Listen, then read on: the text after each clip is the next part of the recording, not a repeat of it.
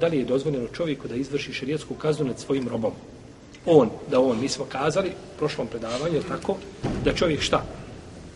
Ne smije to individualno činiti. Nema to dvojica, trojica, uhvatili komšiju, ovaj, i odi vamo i negdje ga ukelu dole u podrum i ode ruka, komšija, krao si. Nema toga ništa. To kazali smo ko to radi, je tako? Međutim, isto se to desi sa tvojim robom. Ti imaš roba.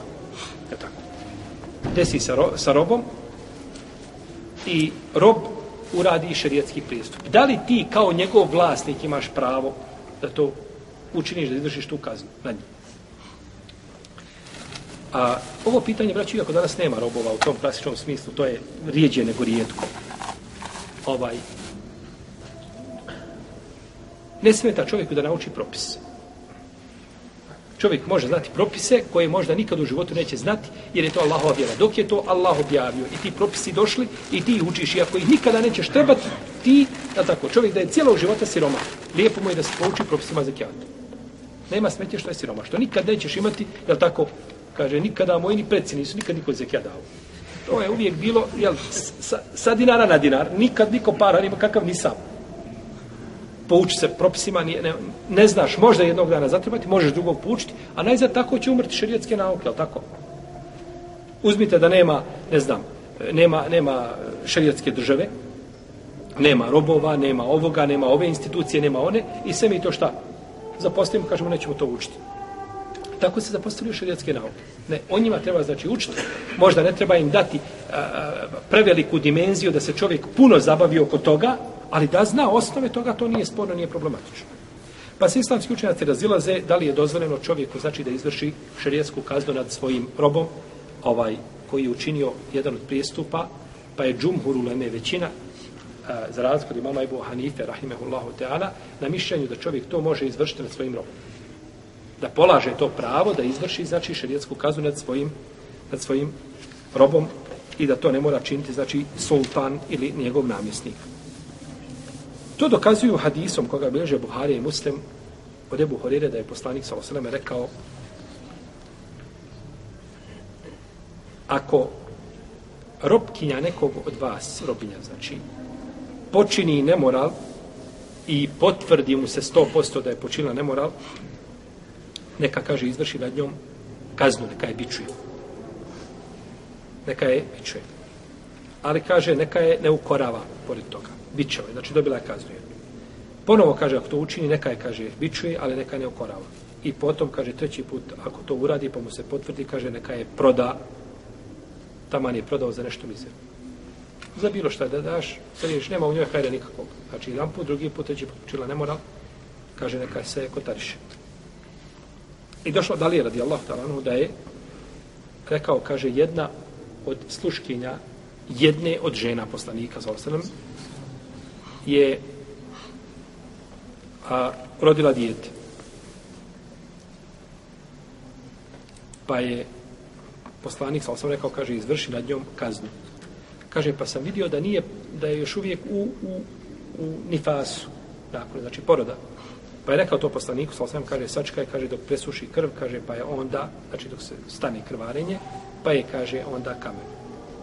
Pa je rekao poslanik sa osaname, kaže, izvršavajte šerijatske kazne nad vašim robovima. Izvršavajte ko? Vi, izvršavajte vi šerijatske kazne nad vašim robovima. Znači, ovaj dio hadisa, on je ovdje naredio Ali, znači to je naredba od koga? Od, je tako, od sultana, od predstavnika islamske države, od našeg poslanika sa osaname u to vrijeme. Čovjek, Ali, znači rekao je dalje, izvršavajte šerijatske kazne nad njim. Međutim, ovaj hadis je dalje. Ovaj hadis je bilježi ga imam Ebu Davud, imam Ahmed i drugi, on nema ispravan lanac prenosilaca. Nema ispravan lanac prenosilaca. I navodi Abdur Rezak se vjerodostanim lancem prenosilaca da je Ibnu Omar odsjekao ruku svome, svome robu koji je ukrao. I da je drugog bićevao zbog nemorala. A to nije prijavljivao vladaru. Nije znači prijavljivao, nego je to izvršio. Pa kažu, to je postupak Ibnu Omara. Nije niko da sahaba kazao suprotno tome, kažu, mogao bi to čovjek izvršiti. Naravno, ovaj propis, on iako, iako je mišljenje većine uleme i može se zaključiti iz ovih argumenta, on ne bi bio tek ljudima tako prepušten. Jer ponekad ljudi, znači, oni paušalno prosuđuju. vidi ga dok su njih dvoje izišli šupe, gotovo, dođi vam. Odmah kazna. Ne može tako. Mora biti potvrđeno 100% i teba ako bi bilo to dozvoljeno, onda bi se moralo to potvrditi, poistovjeti. Iako bi to prešlo u nekakav običaj u modu, je tako, u modu pređe nekome, ne smije se svetiti, je tako, ženi, pa se sveti robu. Onda bi to imao pravo vladar da šta? Da stopira, da zaustavi. Kaže, nemaš pravo, nego ga moraš dovesti meni, pa ćemo onda rješavati to na način. Da ne bi ljudi zloupotrebljavali propis. Jer svaki propis koga će ljudi zloupotrijebiti, na pogrešan način ga shvati, razumjeti i prijemeniti ga, vladar ima pravo znači da to stopira i da to zaustavi, znači da on preuzme znači izvršavanje tih propisa ili e, da, da zabrani ljudima ono možda nešto što im je osnovi dozvoljeno, zato što će šta? Znači činiti ono što je zabranjeno, znači činit će znači, prijestup, je tako? Pa kada bi šarijatski dozvoljeno čovjeku da udari ženu, je dozvoljeno? Naravno, morate isići, ovo ne smije ići na... Jeste u Koranu spomenuto, ali ne smije se to pričati, jer to je zločin, je tako? Muškarac udari koga? Ženu. To je zločin na čovječanstvo. Ovaj, muškarci je dozvoljeno da udari ženu. Međutim, to ljudi svati, on to sjedi i kaže tamo vodribuhun, udarite ih. Vodribuhun, kaže, onda je ovaj glagol došao sa bad, vodribuhun, znači, treba to ipak da to ono, osti da je to udarac E, da to bude nešto onako. I onda on to sebi skonta kako bi trebao i žena završila tako gore na intenzivnoj njezi 15 dana na aparatima živi. On je tako razumio da to on tako smije udariti ženu. Ne, ima pravo vladar, ne da promijeni propis, to nema pravo niko, to je završeno. Ali ima pravo da stopira i da zabrani ono što ti je šta. U osnovi dozvoljeno dok ne popraviš se. Ne, svati razumi propis na ispravan način, to je drugo. Ali ako ti zloupotrijebiš propis, e onda ima vladar pravo da ga šta?